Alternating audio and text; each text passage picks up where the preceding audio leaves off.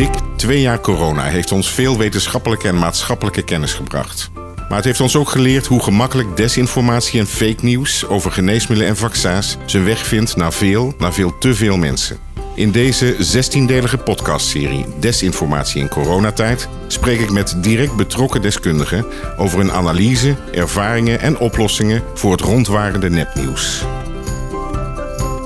Nicole Hunveld, welkom. Introduceer jezelf. Ja, uh, leuk om hier te zijn. Ik ben Nicole Hunveld. Ik uh, ben de vicevoorzitter van de KNP. Dat is de apothekersorganisatie van Nederland. En daarnaast ben ik ziekenhuisapotheker in het Erasmus Medisch Centrum in Rotterdam. En daar werk ik op de intensive care. Uh, en ik ben nog voorzitter van de acute tekorten geneesmiddelencommissie. Uh, die is in het leven geroepen voor COVID. Dus als er in Nederland tekorten zijn uh, op basis van, van, geneesmiddelen die voor COVID-patiënten nodig zijn, dan um, maken we daar een commissie van. En dan kijken we met elkaar hoe we dat kunnen oplossen of aanpakken. Ja, en dan ging het in eerste instantie veel over middelen die bij mensen gebruikt moesten worden, die in slaap gehouden moesten worden, et cetera. Dus... Zeker, dat was vooral in de eerste golf echt even een probleem. toen bleek dat we wereldwijd veel tekorten hadden. Dus mochten we ook meteen in actie. Uh, daarna ging het wat verschuiven naar alle COVID-patiënten en werd het wat breder. Ja. ja. Uh, Erasmus, uh, dat is ook de plek waar, waar Ernst Kuipers en Diederik Gommers werkten. Die zijn zeer veel in het nieuws geweest. Betekent dat ook dat jullie echt bovenop de actualiteiten zaten in het Erasmus? ja, we zaten bovenop de actualiteiten, maar um, we zaten ook bovenop de wetenschap. Uh, ik zat met name op dat tweede stuk, um, omdat er zoveel gebeurde op medicatiegebied, um, dat we uh, heel snel tot de conclusie kwamen dat we ook met een aantal dokters een uh, commissie wilden hebben. Die hebben we overigens nu nog steeds. En iedere vrijdag overleggen we over de ja, nieuwste studies die uit zijn gekomen, de nieuwste therapieën.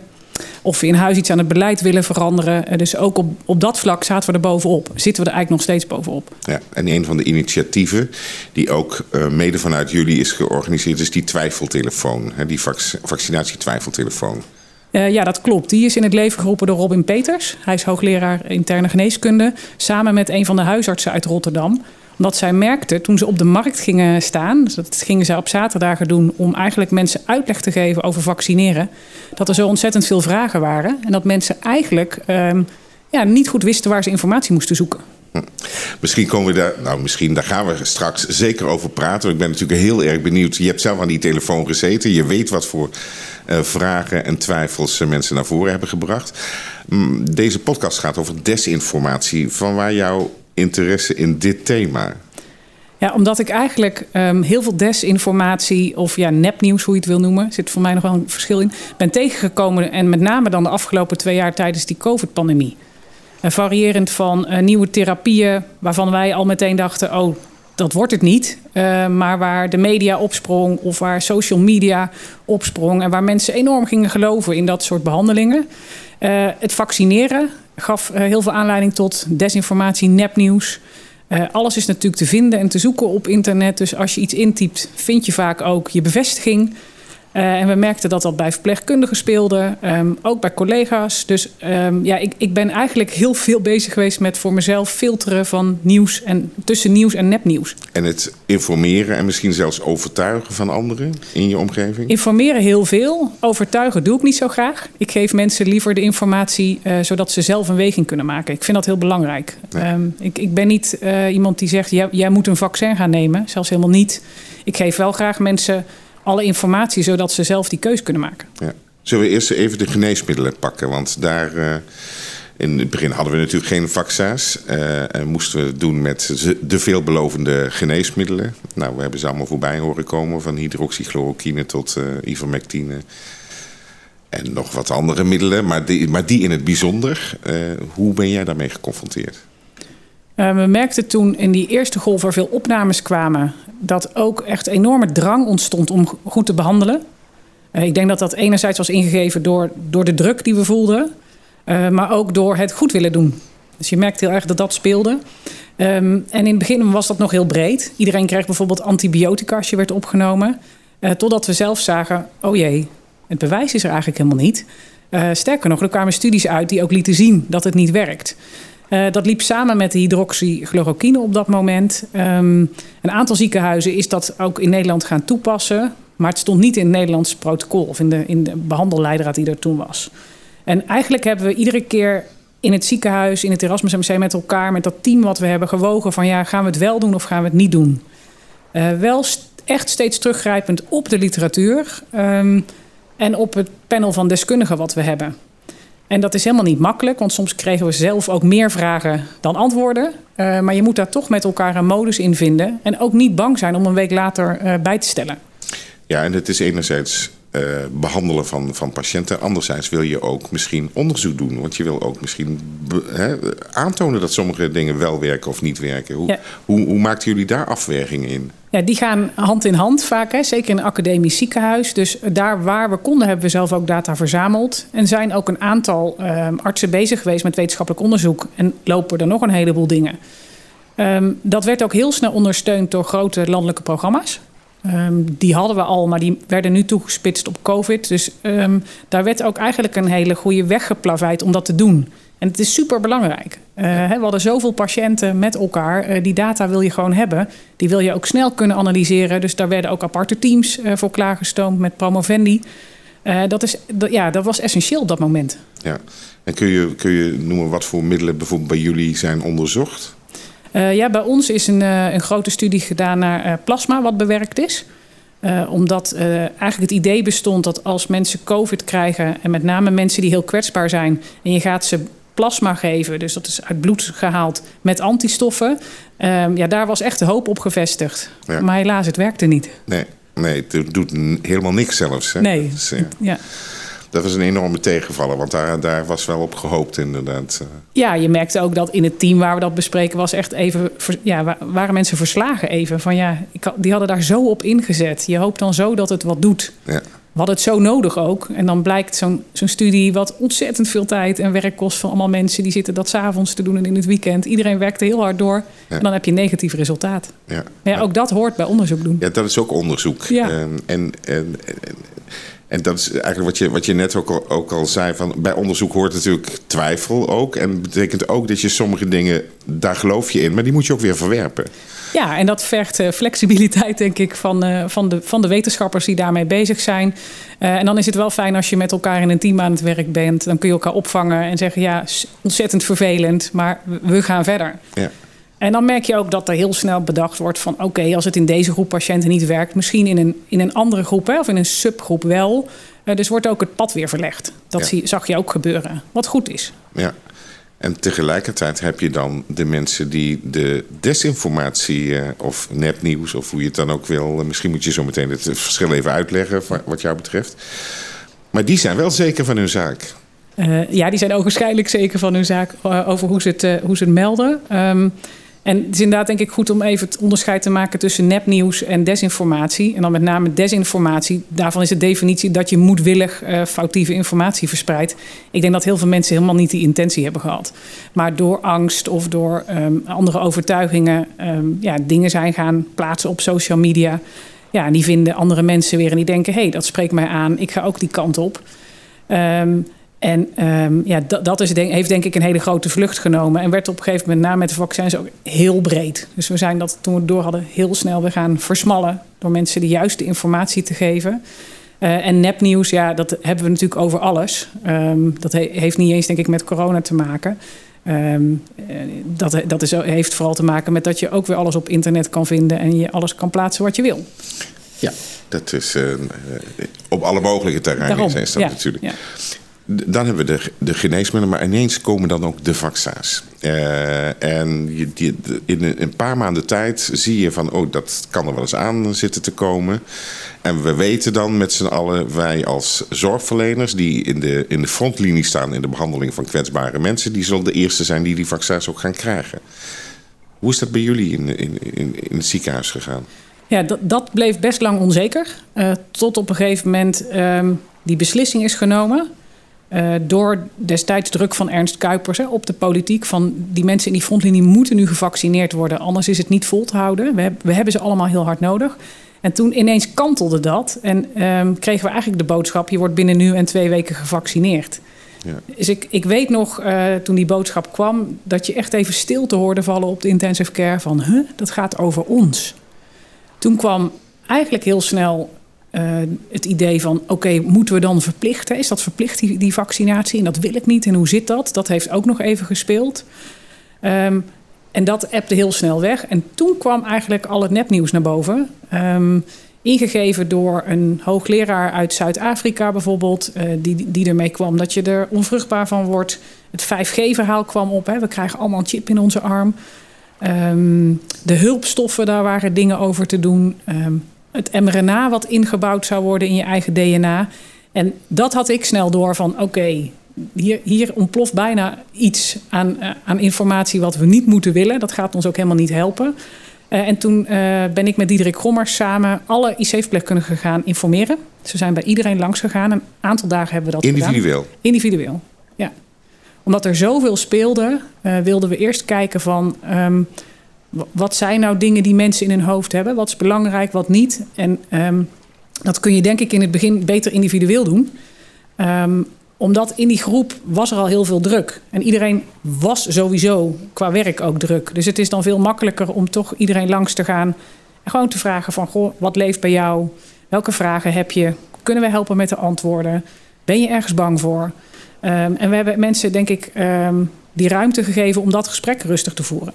En waar haal je dan op dat moment je informatie vandaan? Want middelen zijn net geregistreerd. Je hebt waarschijnlijk niet het registratiedossier van, van voor naar achter gelezen.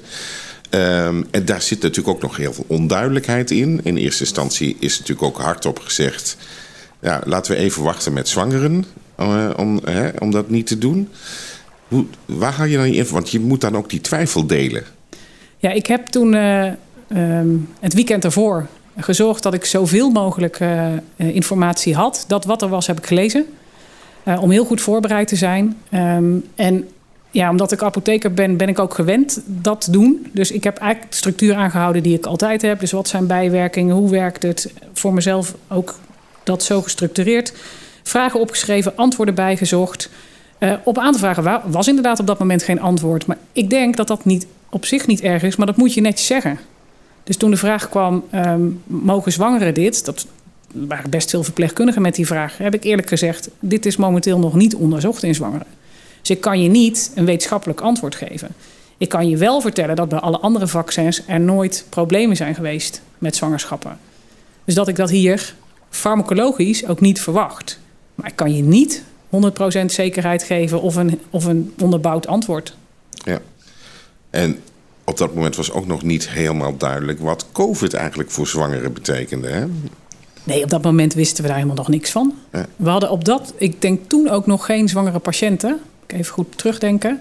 Nee, toen hadden we, dat was vooral eind de eerste, tweede golf. Toen waren het vooral nog veel ouderen die we hadden. En daarna ging dat verschuiven.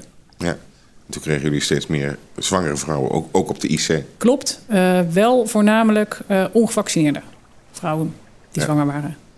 Hoe, hoeveel, hoeveel uh, vrouwen op de IC hebben jullie gehad? Tussen de 30 en de 40 de afgelopen tijd. Dat is veel. Ja, dat is echt heel veel. Ja. Dat is veel.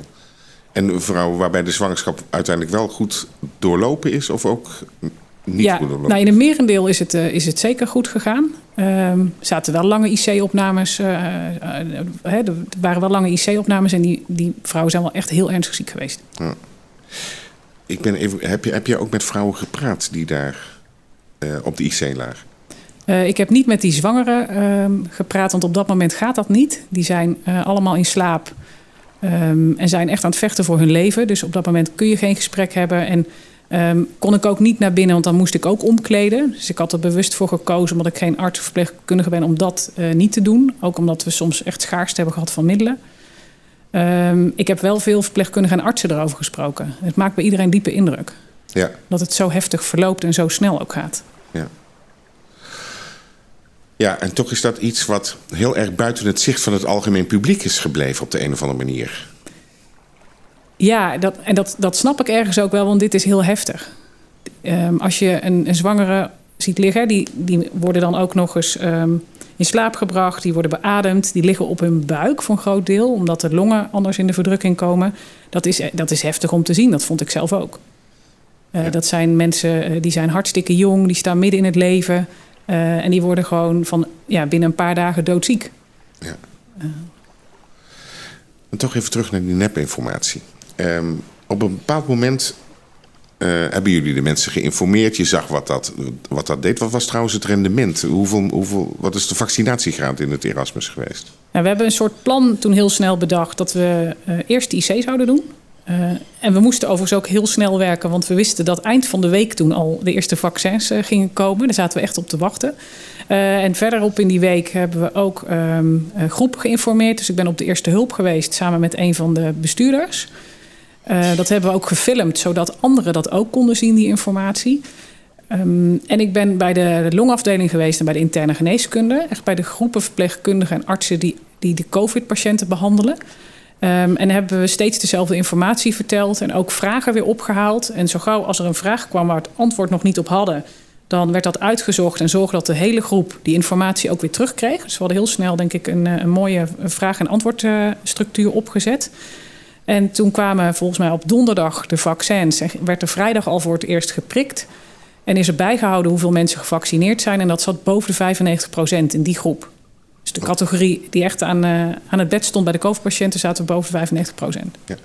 En als jij, uh, je, je, noemde net al een paar van de, van de twijfels die bij mensen leefden, maar wat is jou opgevallen? Wat, wat vond je bijzondere argumenten waarom mensen zich mogelijk niet wilden laten vaccineren? Nou, ik denk dat we zelf uh, de 5G allemaal het meest bijzonder vonden. Dat, dat je weet dat het niet kan, maar je zag toch mensen even de vraag stellen: ja, is het echt dat er geen 5G in zit? Ja. Dus dat ik zei van. Heel even technisch, hè? dan heb je een spuit met een naald. Dan zou je dan een chip doorheen moeten zuigen. En die moet dan ook nog weer terug in jouw arm. En die moet eigenlijk ook al in die ampul zitten van de fabrikant. In zevenvoud. Uh, ook nog, ja. Dus dan zie je mensen al denken, oké, dat klopt niet.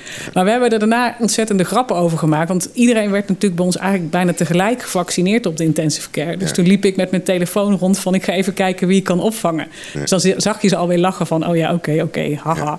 En uh, dat, dat helpt wel om er zo met elkaar uh, mee om te gaan. Ja. Dus het, het had effect om die individuele benadering te doen. Ja, zeker. Nou zijn dit mensen die in de zorg werken, dus die eh, ja, heel snel toegang hebben tot betrouwbare informatie, zou je zeggen. Wat, maar wat leer je daarvan voor de communicatie richting patiënt of richting publiek? Wat je zag is dat er zoveel informatie toen al was, uh, dat het blijkbaar toch lastig is om die bronnen te scheiden. Dus wat ik gedaan heb, is ook soms, of ik heb eigenlijk ook heel vaak aan ze laten zien van als je nou informatie wil, kijk dan op deze site. Dit is betrouwbaar. Um, de EMA kwam toen met informatie, maar dat, dat is veel te complex. Dat is veel te moeilijk, dat kun je ook niet snel even tot je nemen. Dus we zijn gaan kijken van wat staat er op de RIVM-website. Vanuit het ziekenhuis is er zelf ook uh, informatie toen uh, bij elkaar gezet. En daar uh, zijn we mensen toen naar gaan verwijzen van... als je betrouwbare informatie wil, kijk dan op deze bronnen. Dan weten wij in ieder geval dat de informatie klopt en die werd ook bijgewerkt. Ja. Dat hielp wel. Maar goed, dat is een advies. Ondertussen weet je dat mensen uh, in de nachtdienst hebben ze even niks te doen. Die gaan scrollen, die, uh, die, die, die, bezoeken allerlei websites, die komen informatie tegen waarvan jij denkt, alsjeblieft. Nee, maar die haalde ik ochtends dan weer op. Want ik, ik ben daar heel vaak. Dus dan vroeg ik, goh, um, zijn er nog interessante bevindingen ja. of nieuwe informatie? En dan zorgden we ook dat die uh, vraag weer uitgezocht werd. Dus we hadden op een gegeven moment echt een soort informatietrein. Um, en zij wisten ook, en dat hebben ze ook wel teruggegeven, van ja, als we een vraag stelden, kregen we ook serieus een antwoord en werd er naar ons geluisterd. En ik ja. denk dat dat essentieel is. En hetzelfde geldt voor patiënten. Um, en met uh, wat we gedaan hebben met de twijfeltelefoon.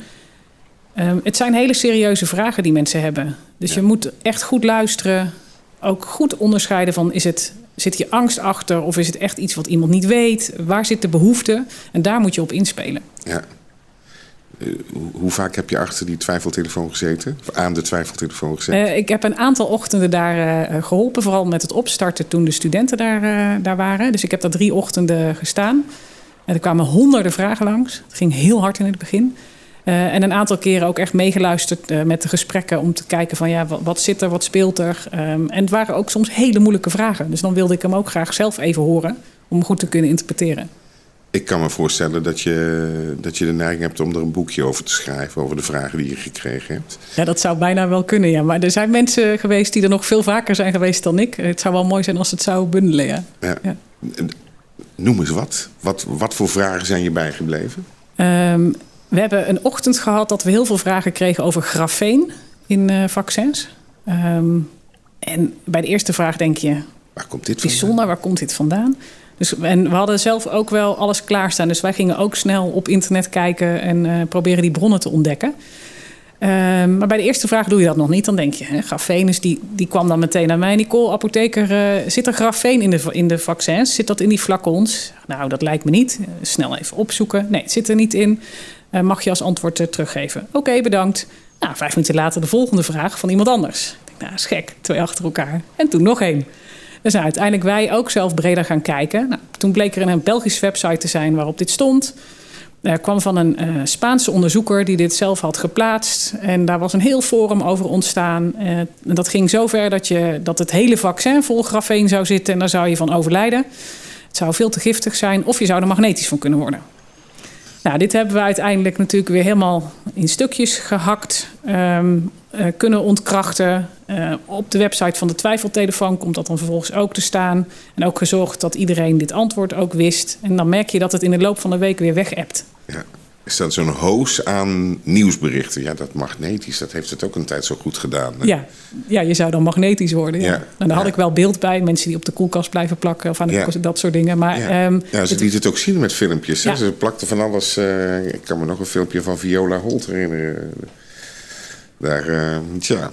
Ja, maar goed, dit zijn wel um, um, serieuze vragen. We kregen er veel. Dus je moet daar ook echt even tijd voor nemen en serieus antwoord op geven. En zorgen dat iemand ook uh, aan het einde van het gesprek uh, kan aangeven van ja, ik, ik heb het begrepen en mijn vraag is beantwoord. Ja. Grafeen is er één. Noem er nog eens één. we hebben heel veel over allergie gehad. Um, de meest bijzondere stoffen zouden in het vaccin zetten aan hulpstoffen. Uh, dus ik heb wel, denk ik, uh, ik wist op een gegeven moment de hele samenstelling van, uh, van, van, die, van die vaccins uit mijn hoofd. omdat ik het zo vaak heb opgezocht. Um, en mensen die dan een bepaalde voedselallergie hebben en meteen zeiden: ja, dan mag ik het vaccin niet. Nou, dat is bijna nooit zo. Dus ook die hebben we echt heel vaak um, ja, behandeld en aangegeven. er ging veel over echte ziekte, ziektebeelden lastige vragen. Mensen die zich echt enorme zorgen maakten van ik heb een immuunaandoening, mag ik dan het vaccin? Die ook vanuit het veld wisselende uh, adviezen hebben gekregen. Dus van een behandelend arts iets anders hoorden dan bijvoorbeeld van hun huisarts. Ja, dan snap ik wel dat je even niet weet wat je moet doen. Ja. Uh, en dan, dus dan hebben we heel netjes met die mensen de informatie doorgenomen. Ze soms ook weer terugverwezen naar hun huisarts of arts. Uh, en gezegd, neem dan de informatie mee die, in, die u nu krijgt. Ja. En ga even terug en ga opnieuw overleggen nou krijg je daar heel veel, heel veel vragen, heel veel informatie. Dus je krijgt ook een soort van beeld van wat leeft er onder de, onder de samenleving. Je hebt natuurlijk serieuze vragen. Belden er ook mensen met, met, met vervelende zaken? Uh, ja, we hebben een paar keer gehad dat um, mensen belden die echt kwaad wilden. Um, en daar waren we ook op getraind. Dus dan, ja, want hoe, hoe waren jullie daarop voorbereid? Um, er bestond het vermoeden dat dit kon gebeuren. Ja. ook weer vanuit de social media. Um, dus we wisten van um, als mensen blijven aandringen of um, uh, er werd studenten soms naar hun naam en leeftijd gevraagd en dat soort dingen. Nou, daar hadden we van afgesproken. Je onderbreekt het gesprek of je haalt er een supervisor bij. of je legt rustig uit van goh, dit is niet de bedoeling van de twijfeltelefoon. Ik ga het gesprek uh, nu afbreken. Ja. ja, ook daar moet je rekening mee houden. Ja, maar dat, dat was niet, niet uh, dat dat aan de lopende band gebeurde? Nee, dat is een paar keer geweest. Um, en er was toen ook heel veel druk vanuit de samenleving. Dus wij, wij wisten dat dat kon gebeuren. Ja. En ik denk dat dat op zich hielp. Daardoor waren ook alle mensen die de telefoontjes beantwoorden voorbereid. Um, en we waren ook met veel om dat te ondersteunen. Ja. Dat moet je op een gegeven moment ook even nabespreken. En zorgen dat iedereen zich nog comfortabel voelt. Maar dat ging heel goed. Nu stipte je net aan uh, een beller die dan hè, met die, een immuunstoornis uh, had of, of, of, iets anders. Maar die dan wisselende geluiden krijgt van de ene behandelaar en de andere behandelaar. Een van de zaken die ik mij de afgelopen twee jaar heb afgevraagd: van hoe ga je nu om met uh, medici of mensen die, die, die in het veld actief zijn, of virologen of uh, noem maar op, die zelf redelijk de draad aan het kwijtraken zijn? Ja, ja dat is een hele goeie. Um, ja, ik denk dat daar een aantal schrijnende gevallen van geweest zijn van artsen die bijvoorbeeld hydroxychloroquine bleven voorschrijven en door de inspectie um, uh, ook daarvoor be beboet zijn of op hun vingers zijn getikt. Dat heeft veel losgemaakt. Ehm, vind ik ook een moeilijker, want je bent als arts um, ergens autonoom, maar je wordt wel geacht natuurlijk de protocollen te volgen. En op dit vlak hadden we heel veel protocollen nog niet. Die hebben we nu, maar in het begin van die vaccins hadden we dat natuurlijk niet. Ze waren ook gaandeweg kennis aan het verzamelen. Um, en als je dan al twijfelt hè, aan het nut van iets en je krijgt ook nog niet de juiste kennis, dan snap ik dat een aantal mensen misschien gedacht heeft van ja, um, ik ga dat niet doen. Um, maar dat waren steeds korte periodes en vervolgens kwam er een richtlijn. En dan word je natuurlijk wel als arts of apotheker of wat zorgprofessional uh, geacht je daaraan te houden. Dus het werd steeds wel na korte tijd ondervangen. Uh, maar een aantal mensen bleef, denk ik, twijfelen of het er niet mee eens zijn. Ja, ik, ik denk dat dat op een gegeven moment dan zo is en uh, dat we dat niet kunnen draaien. Nee, nou ja, dat is even de vraag. Want dat zijn vervolgens wel de personen die door de antivax of de gelovers in bepaalde medicatie op een voetstuk worden geheven en rondgedragen worden en overal worden aangehaald. Ja, dat klopt. Maar dat is denk ik niet alleen uh, in de geneeskunde of in de zorg een probleem. Ik denk dat het natuurlijk heel vaak zo gaat. Hè? Iemand die je aanspreekt of waarvan je denkt, nou, die geloof ik, uh, die kan dan niks meer fout doen. Alleen in de zorg hadden we wel, wisten we, weten we wie het zijn en hebben we daar uh, ergens best wel last van. Maar ja, je gaat op een gegeven moment ook maar door met je eigen ding. Ik heb zelf in ieder geval op een gegeven moment gedacht: ik ga me hier niet druk om maken. Ik ga er ook geen energie in steken. Ik kan het nu niet veranderen. Ik kijk liever naar waar ik wel invloed op heb uh, en zorg dat degenen die informatie wel willen horen, dat die het ook krijgen.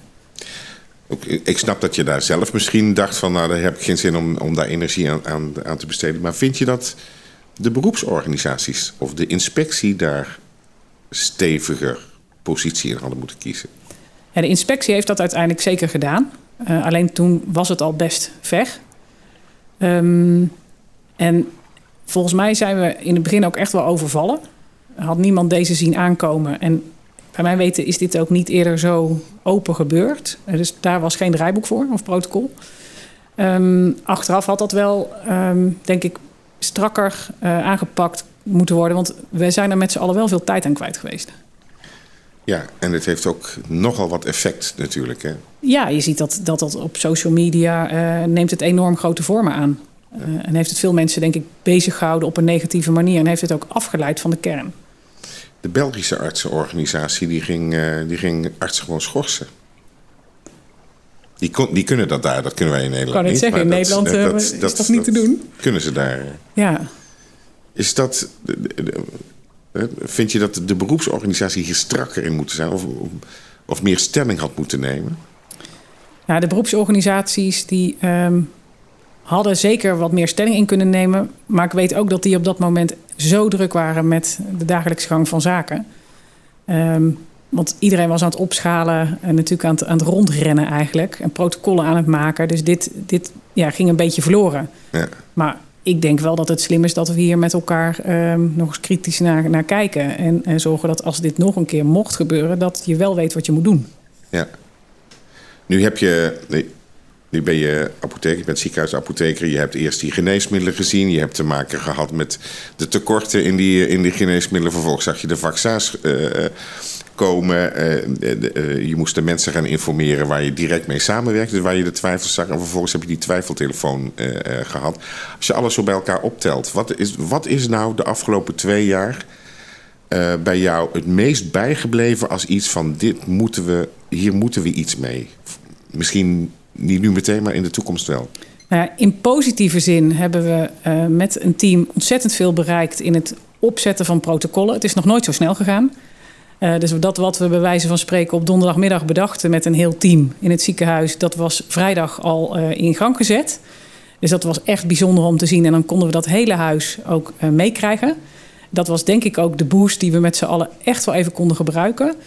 Um, en de andere kant ervan is dat die, die, dat nepnieuws en desinformatie... dat werd op een gegeven moment zo groot... dat we ook wel bezig zijn geweest eigenlijk om dat in te dammen. Dat, was wel, dat voelde, voelde minder, zeg maar. Dat is dan zonde van je energie ergens. Uh, dus um, ik denk dat, dat informatievoorziening en dan echt informatie op maat... Uh, dat dat veel beter kan. En hoe? Um, ik denk ik kan, toch ik kan dat, me namelijk um, voorstellen dat je dat in je eigen instelling... dat je dat goed kunt organiseren, maar hoe doe je dat voor een breder publiek?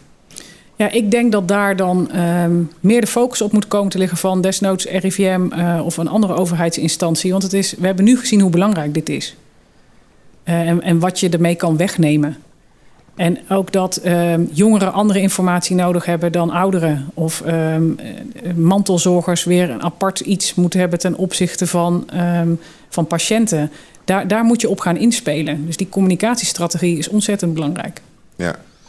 Nou, denk ik dat de, een aantal instanties zal zeggen, het CBG, eh, RIVM, de, misschien het ministerie van VWS ook. Ja, maar we hadden alle juiste informatie. Die hebben we ook op onze websites geplaatst. Ja, dat, dat hebben ze ook. En dat hebben ze snel en netjes gedaan. Alleen is toch dat niet goed toegankelijk voor het brede publiek. Ik denk dat mensen daar niet snel zoeken. Het was nog best lastige informatie om te interpreteren. Dus um, ook daar is van, ja, wat is dan de vertaling uh, en wat is er nodig zodat mensen dat wel uh, tot zich nemen? Dus misschien moet je dan op de social media uh, ook daarop gaan inzetten met, met filmpjes of andere plaatjes of dat soort dingen, zodat het mensen aanspreekt. Ja, en, en, dat is meteen heel erg ingewikkeld. Hè? Want als je de correcte, precieze informatie wil geven, ben je altijd te uitgebreid. Uh, en het is bijna tegen de aard van dit soort organisaties in om, om vrij kort door de bocht te zeggen van nee, dit is prima, is geen probleem. Of dit moet je vooral niet doen of wel doen. Ja, dat, dat klopt. Alleen hebben we van deze pandemie geleerd dat dit wel heel erg nodig is. Ja. Dus dat vergt misschien anders denken of anders organiseren. Maar het is wel waar, eh, denk ik, de essentie zit.